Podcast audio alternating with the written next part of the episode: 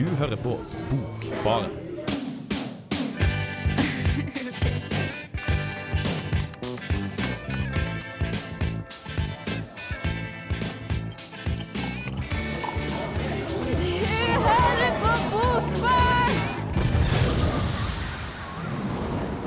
Ja, hei og velkommen til Bokbarn, Radio Revolts litterære magasin. I dag, kjære lytter, så skal vi ha en spesiell sending til deg, for vi skal ha en forfattersending. Og vi skal ha med en forfatter som vi liker godt, som vandrer rundt med stort, hvitt hår og er litt sånn derre forvirra av verden av og til. Som heter Det var min veldig fine Solstad-invitasjon. Eh, han heter Dag Solstad, og han har vi, har vi med i dag. Og Kristoffer og Ingrid er med meg i studio. Og hva har dere med av Solstad? Eh, ja, jeg har med da 25. september-plassen. Som eh, er en bok om uh, blant annet en, ja, tre En familie, da, med noen To av sønnene blir kommunister, og eh, den siste da blir som sin far eh, sosialdemokrat. Altså det er mye om etterkrigstida og tiden fram til EU-avstemning. Og Kristoffer har med seg boka før i biografisk rekkefølge. Ja, jeg har med den tredje boka hennes, som heter Irre grønt! Eller Irre grønt, ja. som er et trekantdrama mellom Geir Britt og Benedicte. Geir Britt og Benedicte, stakkars. Og vi har også Dere kan dessverre ikke se dette der hvor dere sitter godt plassert i sofaen deres, men i dag så har også Bokbarn inntatt kostymeverden. Så jeg står her sammen med Kristoffer og Ingrid i ytterjakkene sine, fordi Kristoffer mente at Solstad var han en veldig sånn jakkemann. En jakkemann. En jakkemann. Jeg har på meg skjorte, da må jeg innrømme, men det var fordi jeg, jeg er programleder, så jeg får lov til å skeie litt ut. Jo, det er så mange som har brukt kostymer på radio før. Nei. så så kanskje dette er nybegynner vi skriver radiohistorie her i Bokbarn med jevne mellomrom.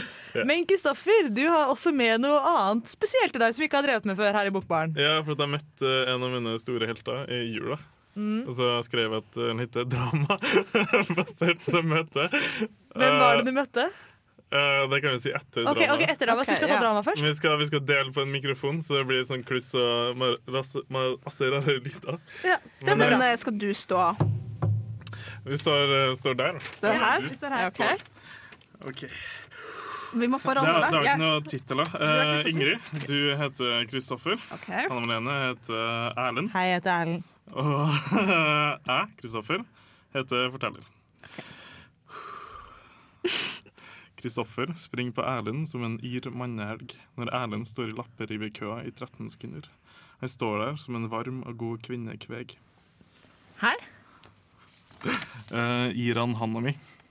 Uh, forundret, litt redd, undrende tar han meg i handa. Hallo. Jeg heter Kristoffer. Jeg heter Erlend. Hyggelig. God jul. God jul. Lurt og romslig smil. Snur seg og går altså Kristoffer, Erlend, snur seg og fortsetter livet. Muligens litt bedre. wow. Kristoffer, det var et flott drama. Jeg tror vi skal få eh, forklaring på dette etter den låta vi skal høre nå. Oi, oi. Eh, og denne låta, dette er Kjære lytter, i dag så var det sol klokka halv åtte, og det var sol da jeg gikk hjem fra Dragvoll etter eksamen, og det var lykke. Så da får vi Blue Skies and Noah and the Whale. Ja, jeg heter Dag Solstad, og dere hører nå på Bokbaren, og der er altså jeg. Ja, Dag Solstad er fortsatt med oss, og vi skal snakke litt mer om Irr Grønt, vi. Ja, fordi jeg ble litt nysgjerrig Kristoffer, på dette med den konklusjonen om at man var fri hvis man hadde en definert rolle til dem rundt seg. Ja, at uh, det var den tankegangen som var tankegangen. på 60-tallet, men mm. som jeg er litt uh, uenig i. At mm. den kanskje ikke har så god hold i dag. Da. At man liksom setter seg Henter noe fra et annet sted, og så bare setter man det på seg sjøl som en slags sånn emneknagg. Som for eksempel gotere. Mm. Tenker mye på døden, og så bare ja, vil man at andre folk skal liksom ja, relatere det til den personen, eller til deg sjøl. For jeg tenkte på en måte mer på Det var kanskje litt feil å bruke roller i den sammenhengen. jeg tenkte mer at hvis du på en måte har en definert posisjon til dem rundt deg, at du på en måte bruker ulike deler av deg selv og er veldig bevisst på hvilke deler og egenskaper du skal bruke eh, i de ulike um, settingene, eller i hvert fall vet har liksom, Så har du en oversikt over deg selv, og på den måten er du fri fordi du liksom har veldig selvkontroll. Men, eh, men det er kanskje ikke så fritt. Kanskje det er noe annet man skal strebe etter. Ja, og så har man jo sånne restriksjoner, for man er jo en person, og så er ikke alle roller som man kan gå inn i. Som hvis man er ung, så er det så veldig så er blir litt sånn komisk hvis man prøver å være gammel. Prøver å liksom gå rundt og Er ikke en sånn stil? Å være og liksom gå rundt og gå i sixpence og sånn gammel eh, 60-tallsvest. og. Jo, det er jo noen som har litt den stilen. Vi står for så vidt her med sånne store frakker og tror at vi er eldre og viser en eh, ja, Det kan jo være litt deilig noen ganger, men det kan jo se litt dumt ut også hvis noen ikke føler at du har helt bygd deg opp til å Eller du har ikke levd, levd gjennom det som den stilen tilsier, da. Nei, det eh, passer ikke helt. Og nei. det er jo her jeg snakka litt om at eh, det minner om Kafka. Og det er når det blir sånn absurd. At det, liksom prø det blir komisk. da. At det liksom Mm. Ja, fordi han går så inn i roller at det blir helt Altså det er virkelig påtatte roller. Det er på en måte ikke Ja, eller det, det er ikke alle roller som passer. Det, han sitter i en sånn baksete, og så er det bare han som har på seg en sånn dress og slips. Så har alle andre på seg sånn vanlige ungdomsklær, og så blir han veldig sånn eh, påfallende og rar. Mm. Ja. Jeg snakker litt om minner om Kafka, men minner også om en han er høytflyvende, smart fyr. Som Ja. Jean-Paul Sartre. Leste jeg, leste den første boka i den eh, Frihetens veier. Eller serien heter Frykt og beven, men den første boka heter Frihetens veier. Det handler om Mathieu og flere andre personer som prøver å finne friheten. Um, og så er det hvordan det er vanskelig å finne det når det er andre mennesker som liksom ødelegger og kommer i veien. Og så, ja. Det er jo litt det samme her. For forholder seg til Det er jo trekantdrama mellom Geir og eh, Britt og Benedicte, tror jeg. Eh, ja, får bare være To Sånn damer og én mann, i hvert fall. Ja, for han, han er jo egentlig forelska i Britt, men så er det veldig lett å være sammen med Benedicte, og så går det fram og tilbake. Og så er ikke helt eh, ærlig med seg sjøl. Ja, det kan jo være vanskelig å være seg selv og ta hensyn til alle andre, eller å ikke greie Ja, det er ikke så lett, da. Mm, Å kjøre full, fullt ut uten å måtte tilpasse seg de andre. mm. Det er helt sant. Men nå dere, skal vi høre på noen som er ganske gode på å ta det helt ut. Eh, etterpå så skal vi få snakke mer om 25. september-plassen, så vi går videre i Solstads fatterskap. Men nå så får dere Ingentings bjeller slash tankeføgriltid slash Sommernatten sommer av Jan Erik Vold og Jan Garbarek.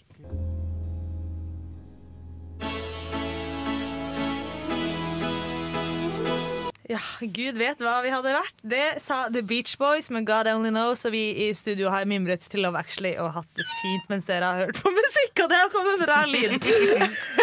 men nå skal vi bevege oss videre i Solstads forfatterskap. Fordi etter I grønt så kommer jo Are eh, Dette er liksom i min sånn uh, gjennomgående lesing fra A til Å, så har jeg på en måte lest andre ting også, men så har jeg kommet fram til der vi er nå med Ingrid med 25. Men mellom Ild grønt og 25. september-plassen så kommer Arild Asnes. Og det er en bok jeg må innrømme at jeg husker generelt. Har jeg funnet ut at jeg husker lite av disse bøkene. Eh, Med Arild Asnes husker jeg veldig Det var, det var en av de skolestadbøkene hvor var sånn, dette er litt mye politikk. Jeg synes det var litt mye, og det, det eneste jeg egentlig husker, er at han driver og går ut og selger Klassekampen, og at jeg synes det var mye liksom, greier hele tiden.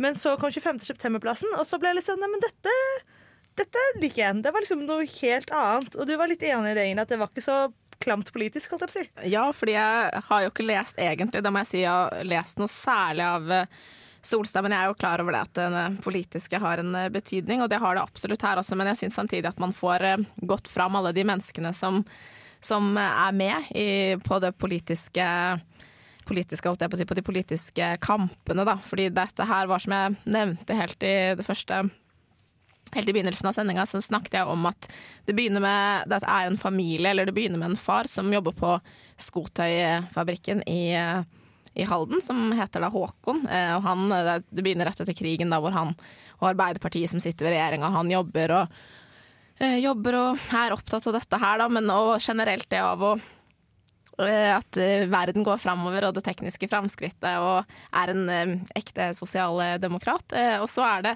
at han får eh, noen sønner da, hvor han ene går i hans eh, fotspor, sånn politisk, mens de to andre eh, begynner å snuse litt mer da på kommunismen, da, eh, og er nok litt Føler at arbeiderklassen har nok eh, sviktet dem eh, Eller at Arbeiderpartiet har sviktet dem litt da, ved at de har lyst til å si ja til eh, EU, da, eller EEC som det het den gangen.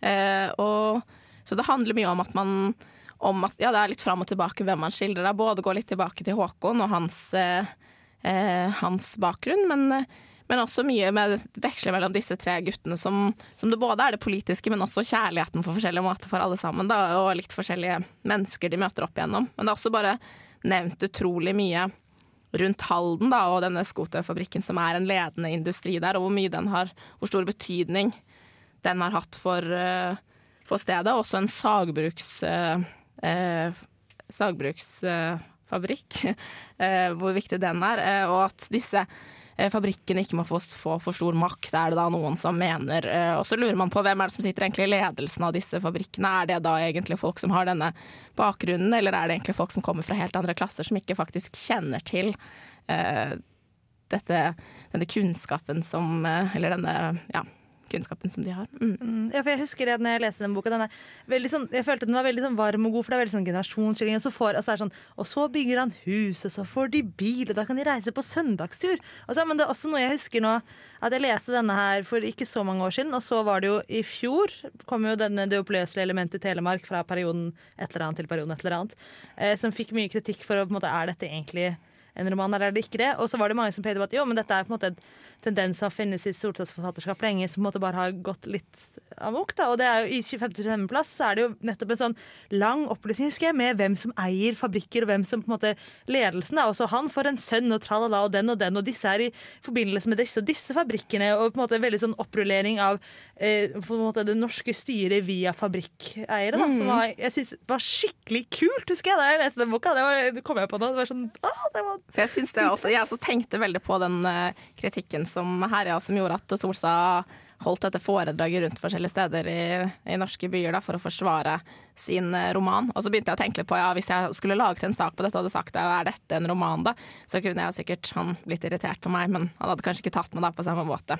Eh, men uansett så syns jeg at nettopp dette var veldig flott, fordi jeg føler at jeg får en sånn historisk innføring. også. det er jo alt det som jeg har lest om i historiebøkene mine som kommer fram, bare at man får sett menneskene litt bedre enn sånn som de ofte er skildra i en sånn historiebok i 7. klasse, liksom, så er det alltid en veldig enkel historie eh, rundt noe menneskelig. Men her var det veldig sånn gode fortellinger eh, rundt dem, da. Og jeg syns eh, Nei, det var veldig flott med det der som du var inne på også, rundt denne utviklingen og bare det at man faktisk ønsker seg noe så konkret som å kunne flytte og få et større hus og bygge det. Og jeg vet at vi ønsker det nå også, men det er jo noe med at man også har disse, eller som kommer senere i andre bøker, så er det disse filosofiske, svevende, store spørsmålene, mens her er det egentlig veldig konkret og jordnært og veldig sånn enkelt hva man ønsker med livet sitt, men det er noe sånn veldig flott over det, syns jeg, altså. Uh, tilbake til dere snakka om det kildebruken, at den bør ramse opp ting. Det var en sånn uh, artikkel i Bokmagasinet i Klassekampen, det er lørdagsmagasinet. Der sto det at uh, de har liksom analysert det som at den gode kildebruken skulle liksom stå for diktninga. Så istedenfor den nye Edvard Hoel-boka, 'Den slåttekår i himmelen', så det er veldig, går den rundt historien til bestefaren. Og det Dag Solstad gjorde, at han ikke trengte å dikte. Det er liksom De gode kildene de liksom, de trengte ikke å si noe mer enn bare nedramsing. Det var liksom analysen i Klassekampen. Så hvis det holder i den 25. septemberplassen, så er det veldig ja, interessant. Absolutt, det holder. Det er i hvert fall veldig konkret og fint. Og dette er de som bygde landet, og nå skal vi høre på Ingrid sin sak. I slutten av september 1971, en ettermiddag, rusler Håkon Nyland hjem etter den siste arbeidsdagen på Halvorsens skofabrikk. Han rusler opp Knardalsbakken, til fots, på apostlenes hester, som han med et bevinget ord kaller det. Og hvorfor ikke bruke bevingede ord nå da Håkon Nyland rusler hjem etter sin siste arbeidsdag? Rolig og tafatt. Han har rydda opp etter seg. Alt er stengt, reint og ryddig. Ikke flere skinn, ikke mer garvet lær, som venter på å bli skåret til. Aldri mer skal han stå i loftetasjen på Halvorsens skofabrikk og føle med fingrene langs skinnet, føle kvaliteten ytterst i fingertuppene. Dette som en fagmann kan, og som gjør en fagmann sikker, fornøyd. Hvorfor ikke bruke bevingede ord nå da Håkon Nyland rusler hjem arbeidsløs? 36 år etter at Arbeiderpartiet fikk regjeringsmakta, og 26 år etter krigens slutt, da det nye Norge skulle bygges, da arbeidsfolk la skuldra til og tok et løft. Han rusler hjem, en mann på 56 år. En sterk mann, en erfaren mann. Han rusler hjem til det huset han sjøl har bygd. Hjem for ikke lenger å ha et arbeid å gå til om morgenen. Hjem for å gå og slenge. Tomhet. Han kjente seg tom. Virkelig tom. Han kjente seg måpende, med hengende leppe og vidåpen munn. Kjente han seg avslørt? Kjente han seg sveket? Kjente han at han var blitt utsatt for et bedrageri? De satt klistra til fjernsynsskjermen alle sammen. Det er det beste fjernsynsprogram som noen gang har vært sendt i norsk TV. Hvorfor kommer det ikke som ønskereprise? 54% av folket har ikke noe større ønske enn å se det programmet om igjen, men det kommer nok aldri som ønskereprise, for det er avslørende, for sårende for makta. En fornærmelse. Makta hadde lidd et nederlag. Det utrolige hadde skjedd. Men forandra det Norge? Motstandsbevegelsen hadde vært i arbeid i to år. Hva gjorde de? Etterpå kan man spørre hverandre. Ja, hva gjorde vi egentlig? Vi kan si vi holdt møter, vi diskuterte, hadde studiesirkler, solgte materiell, satte opp stands, spredde aviser og løpesedler i postkasser. Organiserte folk i motstandsarbeidet, greide å gjøre dette til et spørsmål som alle og enhver måtte ta stilling til, for seg sjøl. Tilhengerne skreik. Tillit, tillit. Det er et spørsmål om tillit. De tapte. Forandra det Norge? Ja. Mange folk som hadde levd sitt voksne liv i 50-åra, kunne plutselig løfte hodet og tru sine egne øyne. Hele livet hadde de ikke trudd sine egne øyne. Nå kunne de det. Mange kjente seg plutselig som trær. Grantrær. Glede kalles en slik følelse. De som hadde opplevd 50-åra på kroppen, kunne endelig puste i sitt eget land. Forandra det Norge? Nei. Norge var stadig et land bundet til fremmed herredømme, fremmed kapital og maktesløst over et militærkupp satt i scene f.eks. av USA. Norge var stadig et usjølstendig land. Har noen av dem noensinne tenkt over hva folket sa nei til?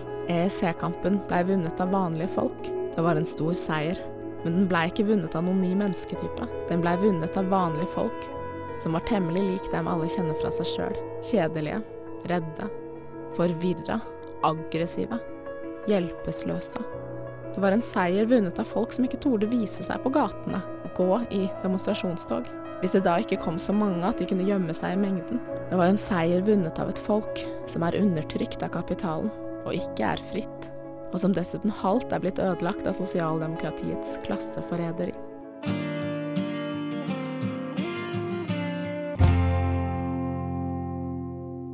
Eh, Ja, jeg heter Dag Solstad, og dere hører nå på Bokbaren, og der er altså jeg.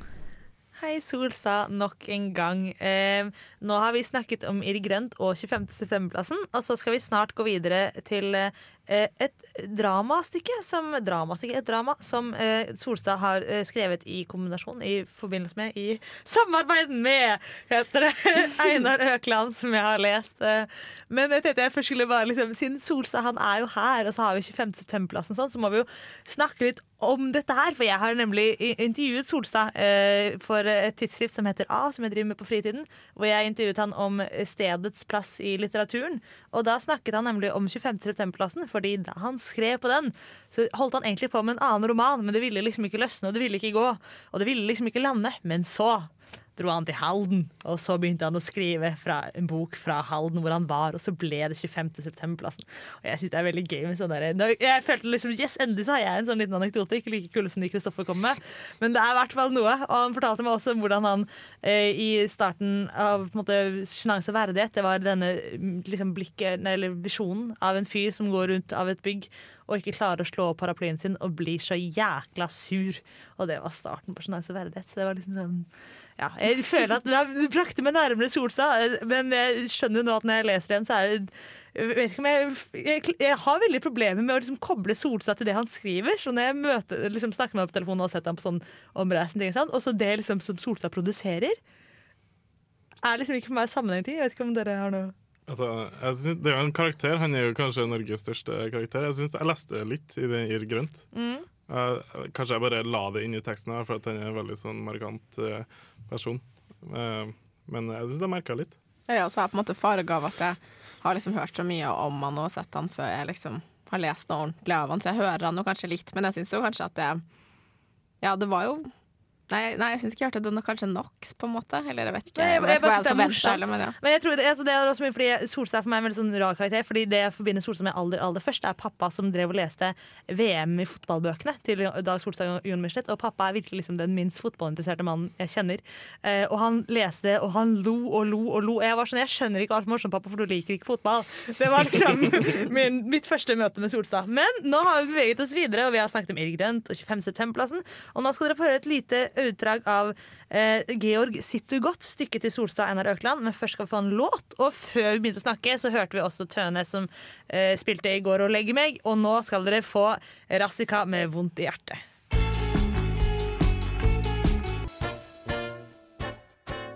Nå går jeg inn i mitt løgnkammer og grubler over min bitre lagnad. Går inn i et imaginært siderom på scenen. Nå vil jeg være aleine med mitt grublende sinn. Opp på talerstolen, skjenke vann i glasset. Her står jeg for å fortelle mitt hjerte hvordan det står til med meg. Med oss. Eh, eh. Med meg. Aleine med meg sjøl. Med stjernene. Under stjernene. Aleine under stjernene. Vi er så få her i landet, men vi skal bli flere. Ja, vi må bli flere. Det er så få å snakke med her i landet. Så få å få snakke ut med. Om vår skyldfølelse. For vi har skyldfølelse. Det syns kanskje som et paradoks at vi har skyldfølelse her i landet. Det er kanskje en dristig tanke, men jeg våger å tenke den. Skylden tærer våre liv, og med god grunn. Kraftig applaus fra usynlige tilhørere. Det er tanken sin orm som gnager våre hjerter. For hver gang så gnager ormen. Gjorde vi ikke det rette? Og hver gang vi lar være å handle, så gnager ormen. Kunne vi handle? Og hvorfor handla vi ikke? Og hver gang vi gjør noe, gjorde vi det godt nok? Nei, sier ormen. Vi gjorde det ikke godt nok. Sånn er skylden. Kraftig applaus. I alle ting har vi skyld. Ja, vi kan godt si at vi er fødte med skyld. Og vi dør med skyld. Alt er skyld. Det er den vi må kjempe med. Jeg er nedtyngt av skyld, Applaus. Men jeg er òg nedtyngt av ensomhet. Applaus. Vi er ensomme. Ensomme med oss sjøl. Ensomheten forfyller oss fra vi er fødte. Ja, kanskje er vi aldri så ensomme som når vi blir født. Nei, vi er mer ensomme før vi er født. Når vi er på fosterstadiet. Det er sånn jeg ser menneskelivet.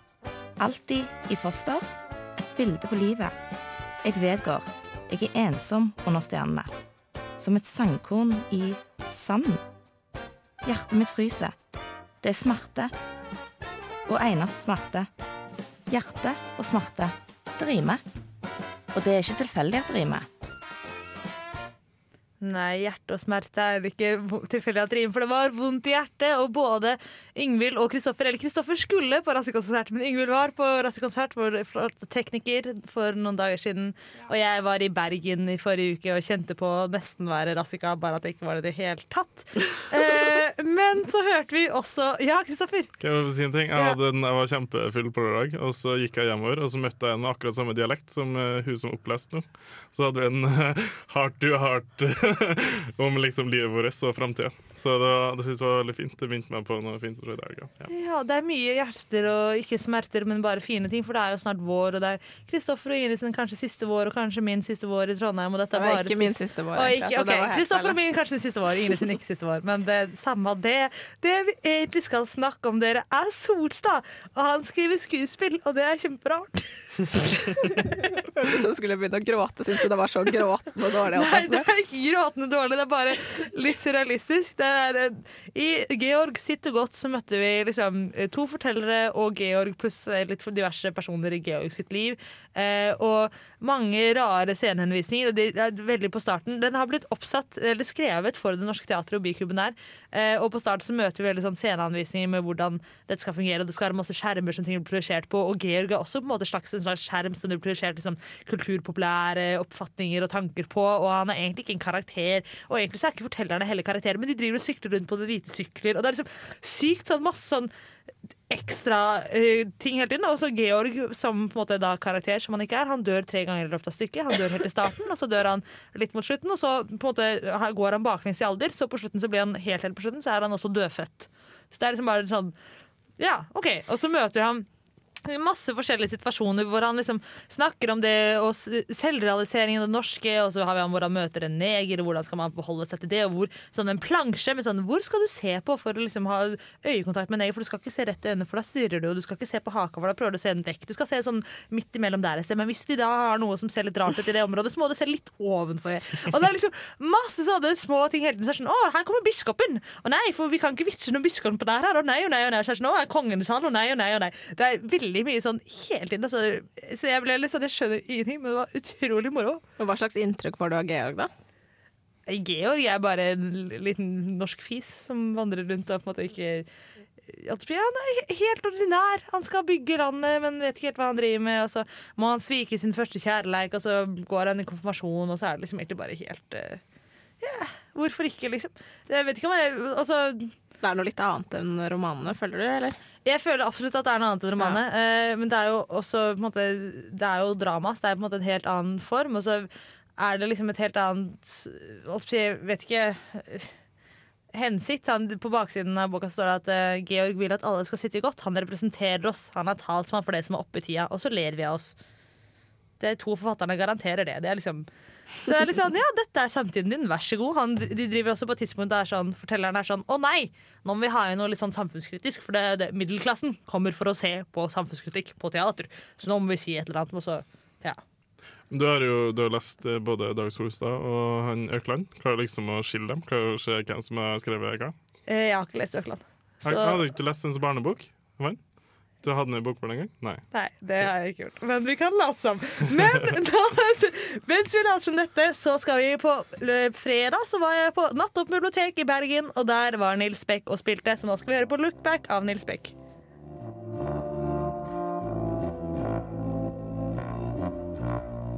Ja, det var eh, Nils Beck, og jeg må også dementere med en gang det jeg sa på slutten av forrige gang vi snakket sammen her. Jeg har lest noe av Einar Økland, og jeg har til og med hatt ham med i Bokbarn, men jeg har tydeligvis ekstremt dårlig hukommelse og et litt slint hode der, så det klarte jeg ikke å få med meg. Men han vi liksom har hatt hovedfokus på i dag, er en kar vi liker godt. Han går rundt og krever at roma, erklærer romanens død pga. underholdningspress og kapitalismen. Som han sa, jeg hater den, men jeg hadde ikke regna med den. Eh, og er på en måte generelt en fyr vi synes Jeg syns han er ganske sympatisk. Utrolig merkelig, utrolig vanskelig å intervjue. For han var sånn derre Ja, det, det er interessant, men det, det, det har skrevet noen artikler om, men det, det kan jeg ikke svare på. Jeg bare OK, takk skal du ha, Solstad. Tusen takk skal du ha. Eh, men så det er altså Solstad vi har hatt i dag. Og en kort oppsummering. Ingrid og Kristoffer, hva er det dere har hatt med? Jeg har hatt med 25. september-plassen, og vil- det er så mye jeg egentlig skulle sagt om den her. Jeg vil bare virkelig si at det får deg til å bli At du skulle ønske du levde i en tid hvor du virkelig kunne være engasjert i at uh, samfunnet skulle gå fremover, da. Tror du ikke vi kan det nå? Det er Vi jo mange andre saker. Det er helt andre saker, men at eh, du, jeg skulle ønske at vi greide å være like engasjert i de sakene som ikke vi føler like sterkt på kroppen, da, som de følte her. Så det, det engasjementet syns jeg vi skal ta med oss ut. Og bare, jeg har virkelig lyst til å bare løfte opp alle mulige faner å gå i tog òg. La oss gå i tog etter Solstad. Det tror jeg er en god deal. Eller hva, Kristoffer? Jo, gjerne. Eh, Jeg syns Iri Grønt var fin. Jeg var ikke sånn jeg var ikke blåst vekk, men den var fin. Og det er sikkert veldig kult å lese noe før den blir sånn superpropaganda, og kommunisme, alt det fine i verden. Som han starter med i den neste boka, Arild Asnes, 1970. Ja, noe sånt noe. Noe sånt. Noe sånt noe. Det er ikke, jeg må innrømme at Akkurat Dag Solstad sine titler De har jeg litt problemer med. Jeg fant jo også ut at jeg har lest sånn 11. romanbok 18, eller en av disse som heter noe sånt noe. Men jeg bare husker ikke. Jeg kunne heller virkelig heller ikke huske navnet på den, fordi de heter jo nesten det samme. Jeg må altså, jeg tror også det, Kanskje det er litt sånn hele meg i dag. At jeg er sånn ja, Solstad, han har jeg lest, men jeg husker egentlig ikke så Ja, altså noen artikler, og det var interessant. Det er litt meg i dag. Vi, vår tekniker har vært Yngvild Aas. Vi har snakket masse om Solstad. Nå får dere Kent med ingenting. Jeg blir-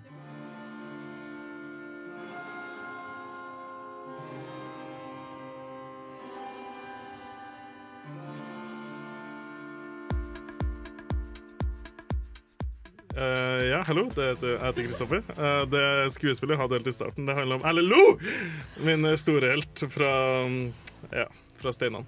Det var egentlig alt. Takk for meg. Hør på Kent.